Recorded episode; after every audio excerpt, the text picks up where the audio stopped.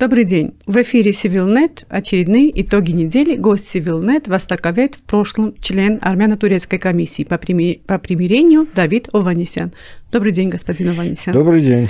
Господин Ованесян, мы традиционно подводим итоги недели в рамках нашей передачи, но сегодня, пользуясь случаем, мы сегодня побеседуем более глобально, оценим вообще нашу дипломатию, дипломатическую деятельность, армяно-турецкие, армяно-азербайджанские процессы. И мой первый вопрос. Э, как вы оцениваете, особенно после войны и особенно в последние месяцы, нашу дипломатическую деятельность, встречи в Брюсселе, в Москве, э, визиты в Ереван. У вас есть ощущение такой какой-то комплементарности?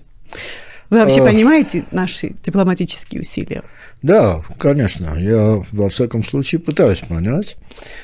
Э, должен сказать, что э, дипломатическая активность мне нравится. Я бы хотел еще большей активностей, э, хотя э, я думаю, что э, и в направлении наших союзников, в первую очередь России, идет достаточно активная работа. И в, направлении тех стран, которые мы считаем дружественными нам, это Соединенные Штаты, это страны Евросоюза. Тоже достаточно активная работа идет. Э, недавний визит э, премьер-министра в Катар угу. тоже достаточно говорящий. Э, то есть я считаю, что да, надо диверсифицировать наши связи международные, надо пытаться получить э, в том состоянии, в котором мы сегодня находим, находимся, максимум постараться хотя бы. Э, и, конечно, э, чем больше э, прагматически обоснованных контактов, тем э, больше появляется у нас возможностей для маневра. Меня очень обрадовали э, несколько вот событий, которые произошли. Это подписание в Москве э, нового, да, такого достаточно говорящего документа, э, который подводит серьезную базу под э, российские отношения на высоком уровне. Меня очень обрадовал э, договор о, об атомной безопасности, который был по подписан в Вашингтоне. Э, очень важный документ, который дает, по всей видимости, возможности для углубления сотрудничества между нашими двумя странами в этой э, важнейшей области. Э, меня, я уже несколько раз говорил об этом, очень обрадовал запуск спутника. Котором... Вы считаете это мифом или каким-то таким занавесом? Э, честно говоря, я не понимаю, о чем вы говорите, потому что очевидно, что спутник, он добавляет очень э, серьезную э, значит, возможность к обеспечению нашей э, безопасности. Стратегически. Безопасности. Я, об этом разговоры были еще с 1988 года, что нам необходим да, спутник. И не только в целях безопасности, но и с целью Э, объединения всего армянства и так далее и тому подобное. Да, ну, на, наконец, через 34 года это произошло. Я думаю, что мы должны радоваться этому и не пытаться как-то обесценить. Да, все наши враги и так будут стараться обесценить. А нам надо думать о продолжении этой программы, да, потому что а, один спутник хорошо, но это очень мало. Надо запускать их а, чем дальше, тем больше. Но не только из-за того, что вот уровень безопасности да, повысился, из-за того, что мы в какой-то мере вернули себе возможность быть источником собственной безопасности. Э, ну и потому что, э, оказывается, можно э, деньги из бюджета тратить и на такие вещи. Да? То есть появляется новый уровень понимания властями тех задач, которые стоят перед страной. Осознание государственности. Ну, дай бог. Ну, это, так сказать, первые признаки, так что будем надеяться. Ну, кстати, вопрос про то, что это миф и так далее, это, как вы понимаете, это нарратив, оппози оппозиционный нарратив, ну, это знаю, общее а, высмеивание. Кто у нас сегодня в оппозиции, понимаете? Ну, очень сложно называть вот то, что мы видели оппозицией. Это ругань, это не оппозиция. Да, так на кухне ругаются все те процессы, которые до недавнего времени происходили на площади Франции, как вы их оцениваете? Э, я их оцениваю однозначно вредными. Э, в первую очередь, потому что э, была, ну и остается, я думаю, возможность показать, что общество армянское выражает серьезную озабоченность и сопротивляется э, тем воинственным, провокационным заявлениям и речам, которые идут из э, страны, которая воюет с нами. Э, что э, наше общество очень озабочено теми условиями, которые предлагаются армянской стороне, и э, вряд ли э, эти условия будут приняты. Да? А, но это было сделано настолько бездарно и настолько архаично, пользуясь именно вот э, совершенно такими э, страшилками, которые в, казалось бы, должны были быть в подсознании, mm-hmm. да, э, наших сограждан, но оказалось, что этого нету. Да?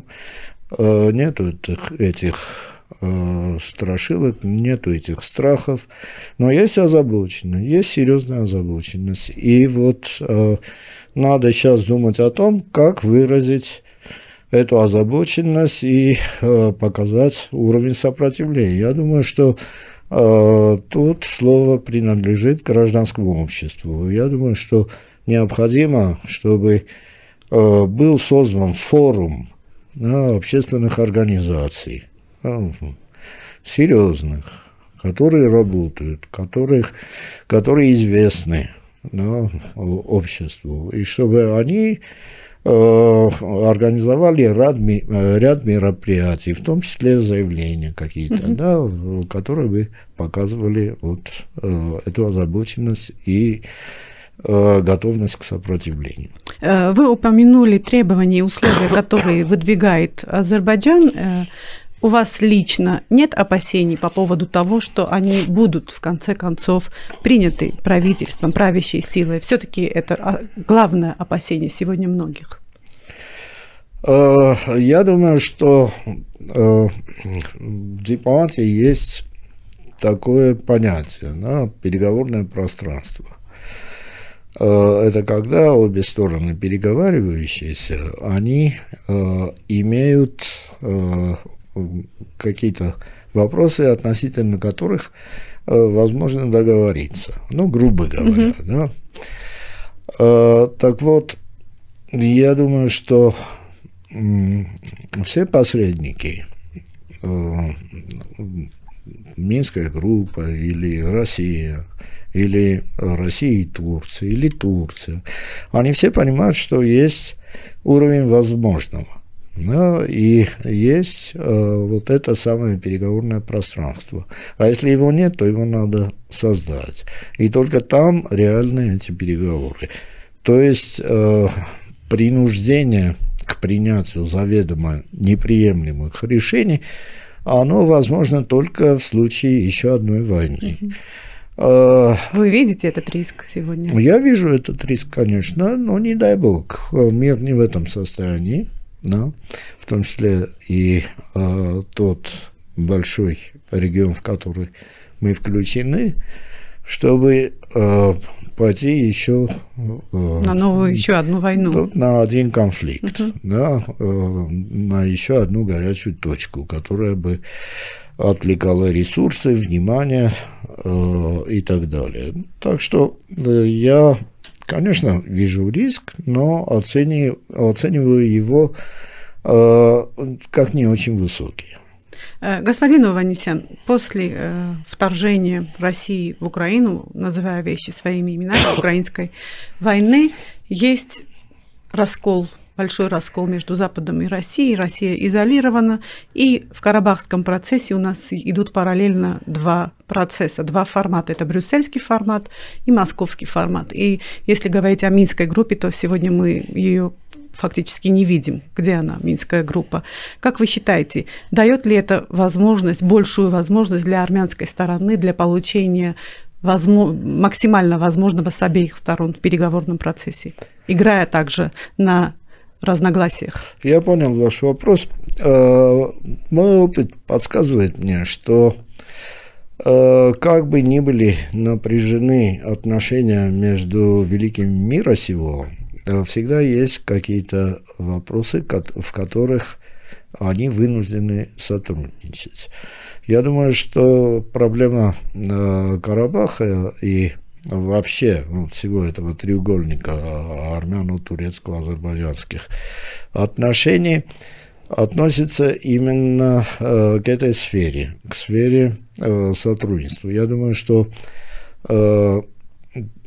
и американцы, и в меньшей степени э, Россия склонны к этому сотрудничеству. Почему в меньшей степени? А потому что для России кажется э, жизненно важным э, сохранение здесь э, ну, кажущегося единоличия в посредничестве. Почему кажущегося? Потому что на самом деле там есть Турция.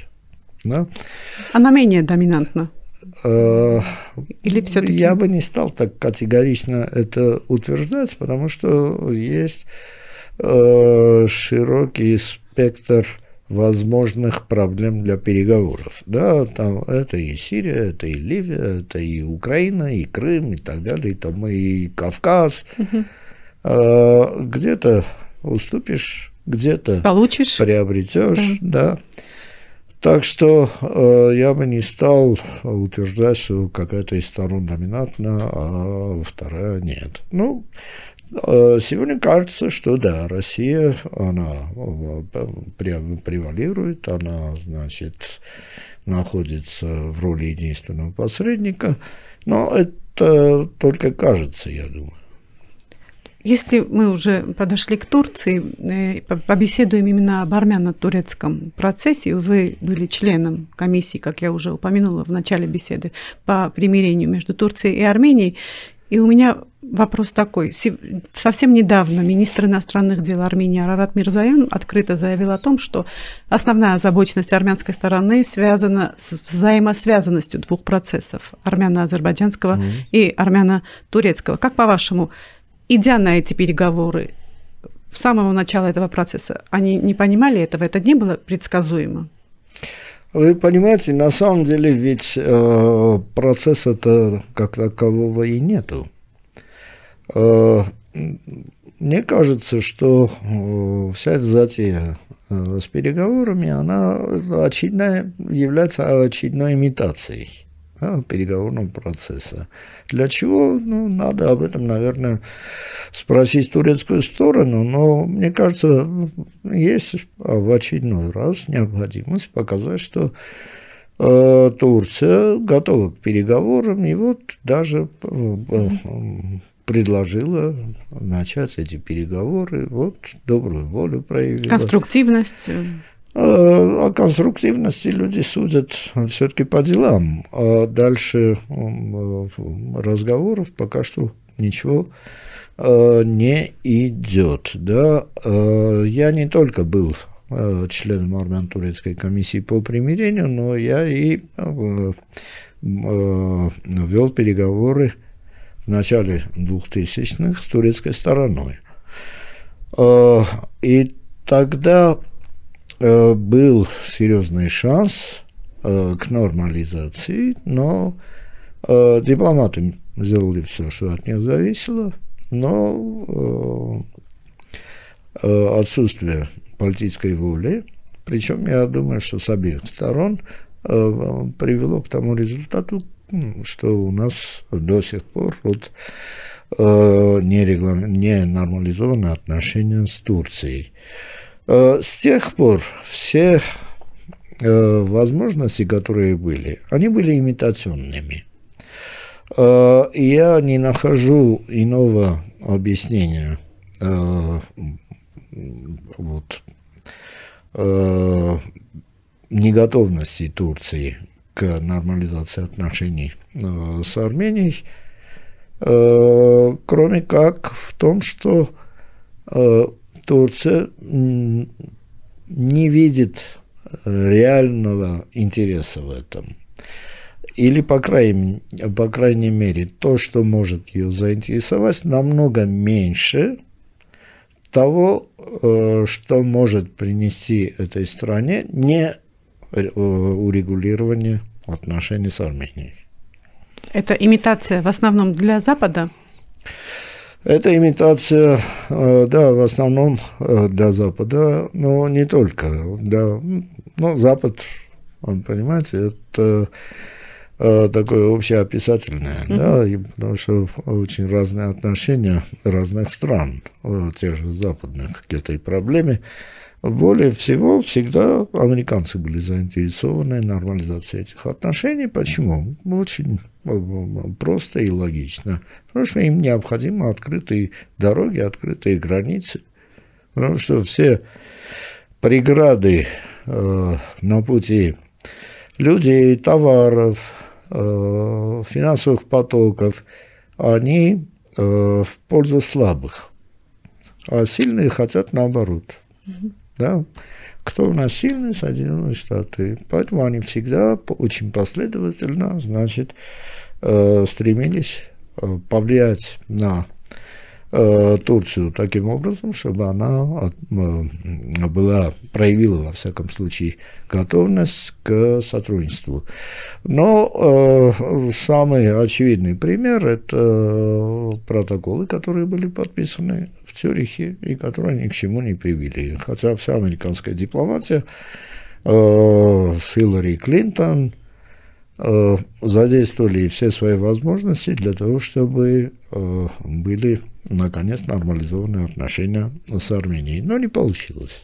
Э, господин Ованесян, как по-вашему, а какова была мотивация Армении э, идти на переговоры? Это попытка нейтрализовать новую угрозу со стороны Турции после Карабахской войны?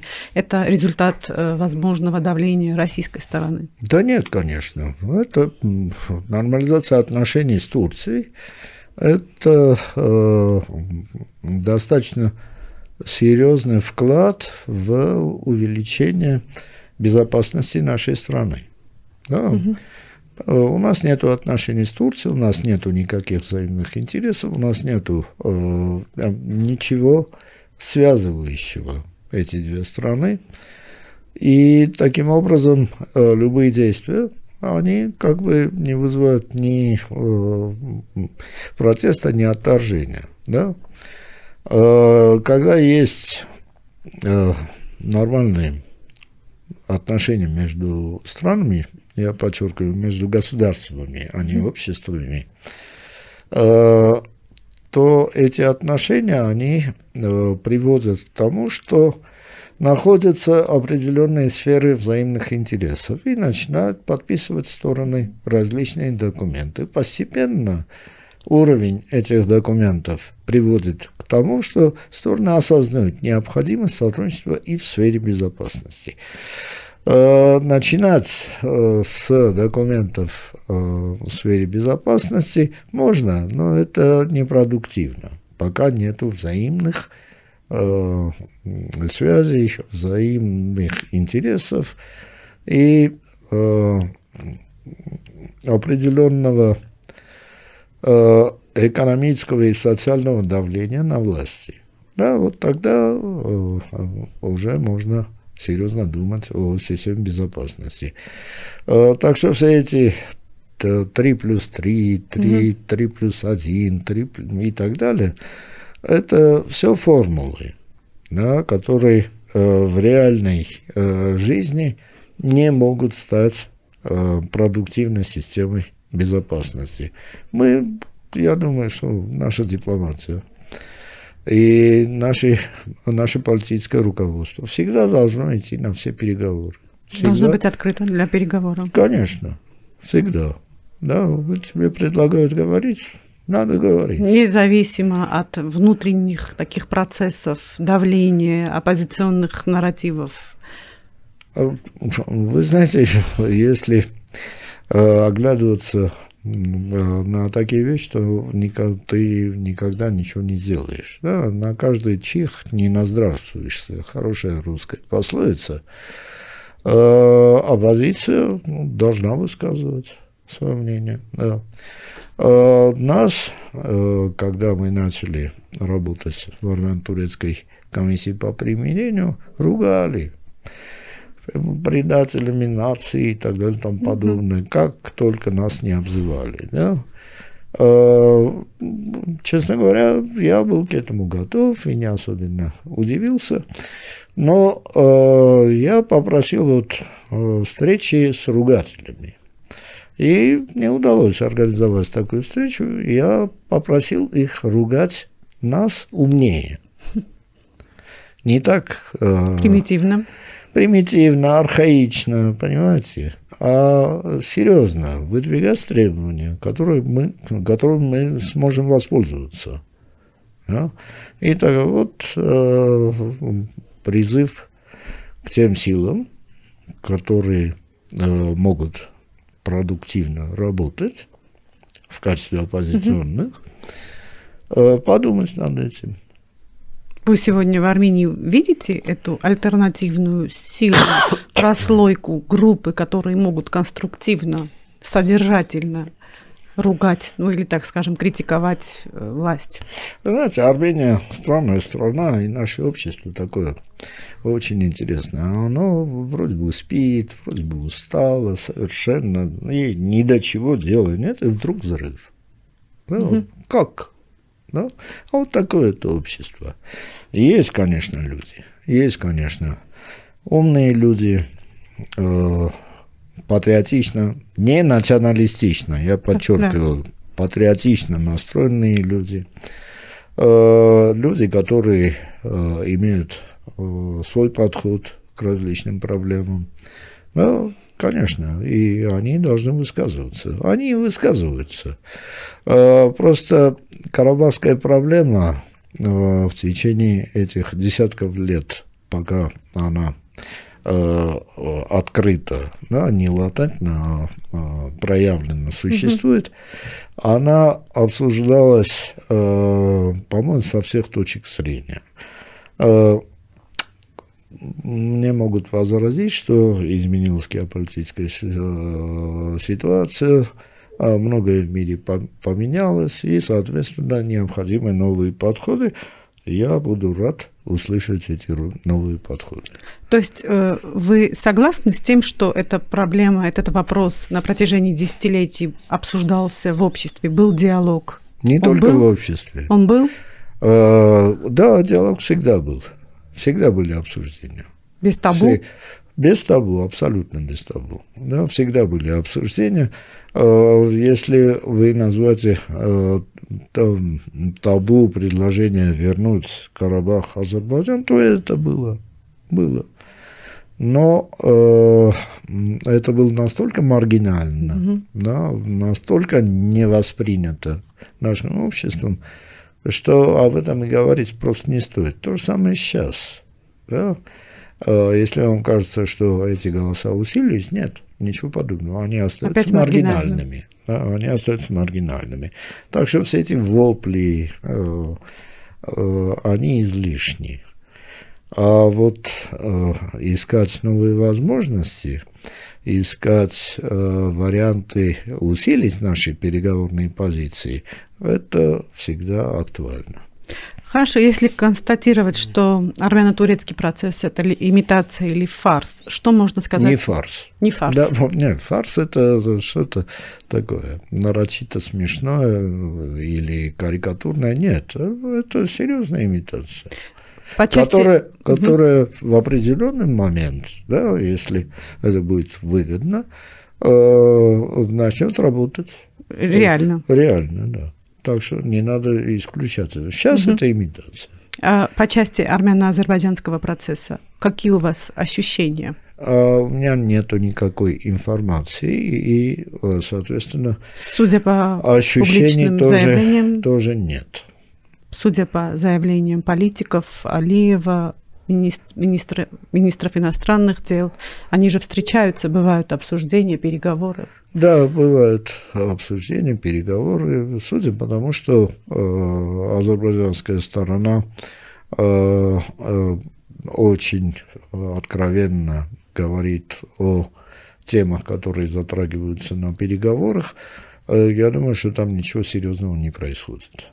Да, но для внутренних э, э, аудитории это преподносится как э, реальное завоевание на азербайджанской стороне на переговорах. Но я считаю, что переговоры э, очень тяжелые. И что, оказывается, э, давление э, на, не только на армянскую сторону, я думаю, что на обе стороны очень серьезное давление оказывается.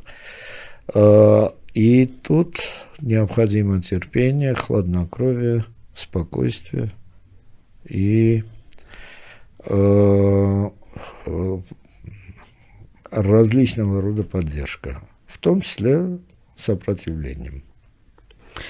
В самом начале беседы, обсуждая наши дипломатические усилия деятельность, вы сказали, что нужно диверсифицировать, и э, вы также употребили слово маневр дипломатии. Да. Э, на протяжении долгих лет, возможно, нам навязывали идею о том, что у нас нет поля для маневра с союзниками для диверсификации внешней политики, протяжении... что у нас есть один союзник и угу. любое отхождение от общей вот этой э, линии будет э, только во вред Армении, во вред Карабаха. Что да. вы скажете? А, во-первых, я не соглашусь с этим утверждением, потому что э, я был действующим послом угу. до конца 98 года. И у нас был очень серьезный э, простор для маневров. Да, и мы действительно работали со многими из возможных сторон, не со всеми, но со многими из возможных сторон. Хотя именно в то время ведь был, э, был подписан основной договор о дружбе и сотрудничестве с Россией. Да? А вот с 1998 года, э, с тех пор, как э, значит, э, имущество э, против долга, угу. да, взамен, взамен. долга, с тех пор, как э, были отданы России практически все жизнеобеспечивающие инфраструктуры, э, с тех пор, как мы все меньше и меньше стали отвечать за нашу собственную безопасность, вот с этих пор, да, маневр сильно сузился. Я не скажу исчез, потому что он всегда был. Да? И э, иногда э, власти даже э, пользовались этими возможностями, но только иногда. Mm-hmm. Да?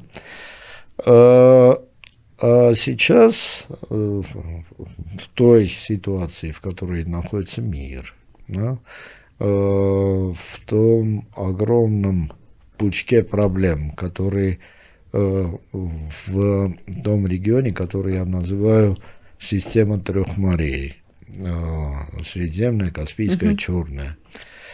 Э, очень многое возможно. Даже сегодня, после войны? Именно сегодня. Именно сегодня, потому что э, до войны этой ситуации не было. Э, были подходы к этой ситуации, уже надо было этим пользоваться, но мы, видимо, не очень сообразили. А сейчас, да, надо этим пользоваться.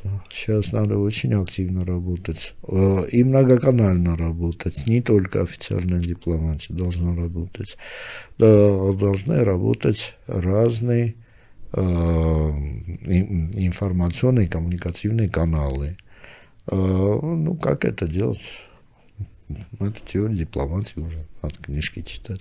И это более расширилось, в частности, после украинской войны?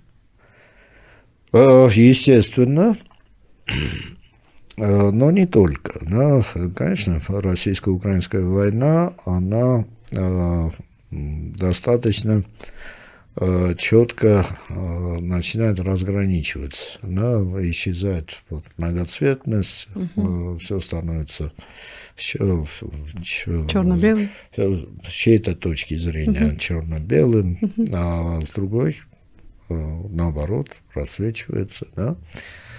А, но и до этого, и сейчас, э, в процессе этой войны, э, появляются какие-то совершенно новые системы в этом мире.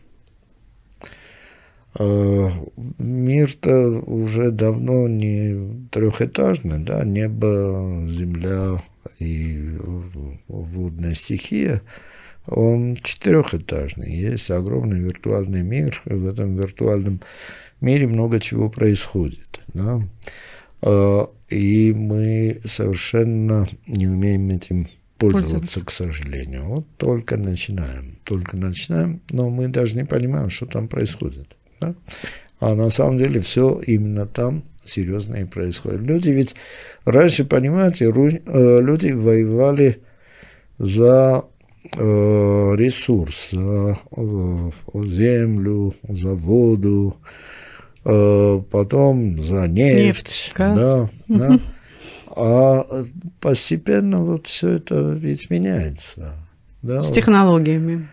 Э, с технологиями, э, с тем, что э, уже с 30-х годов 20 века практически голод не угрожает человечеству, хотя многие десятки тысяч каждый год умирают от голода, но на самом деле производство продовольствия в мире позволяет обеспечить все население Земли. Mm-hmm. Да?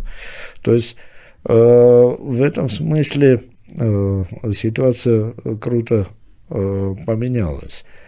А вот за что сегодня э, ведутся войны? Ну, я не говорю о том, что люди э, по инерции продолжают бороться за землю. Да. да. Им кажется, что это хорошо. Ну, как-то раз на переговорах я сказал, что вы предпочитаете? Огромную, да, э, малозаселенную, и необорудованную территорию ну, в миллионы квадратных километров хорошему такому э, небоскребу Microsoft. Да. А, Корпорации какой-либо, да. А, вместилищу знаний и технологий. Не важно, что это корпорация. Важно, что это очень э, современное и очень продуктивное предприятие, да, которое э, производит, производит ну, один из моих знакомых говорил, ну, кто такие интеллектуалы, что они производят? Только ну, буквы на бумаге. Да? А эти люди даже не на бумаге. Да? Но что-то производят. Да. А что они производят на самом деле? А производят они то, что э, все это, то, что мы раньше называли ресурсом, постепенно теряет свое значение. И э, очень скоро газ и нефть тоже потеряют свое значение. Очень скоро это случится. И э, окажется, что смысл, в принципе, все эти войны уже э, не очень осмысленные, не, не очень правильные. Да? А, а с другой стороны, э, есть э, такая ситуация, что в этом глобальном мире в глобальной экономике есть или должны быть, их нету, но они стремятся к этому, глобальной инфраструктуры жизнеобеспечения. И вот а кто будет контролировать эти глобальные структуры жизнеобеспечения?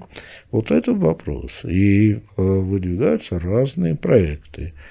Э, мы, когда говорим глобализация, почему-то подразумеваем только американцев. На самом деле есть китайский проект, да, One Road, One Belt. Угу. Есть русский, турецкий, ну, региональный тоже, да, есть Евросоюз. Э, у всех более-менее осознающих свою идентичность, э, имеющих самосознание, да, центров, есть свои проекты. И эти проекты вступают в, кон в конкуренцию, очень жесткую, очень э, мерзкую, да, ведущуюся самыми разными средствами. Конкуренцию друг с другом. Проявление конкуренции Украина, Сирия, Ливия и так далее и тому подобное. Венесуэла и сейчас тоже. Да. Э, то есть э, борьба сейчас идет за э, возможность прохождения. И вот в этой новой системе координат Армения может занять какое-то место? Конечно, конечно. Армения может занять э, определенное серьезное место.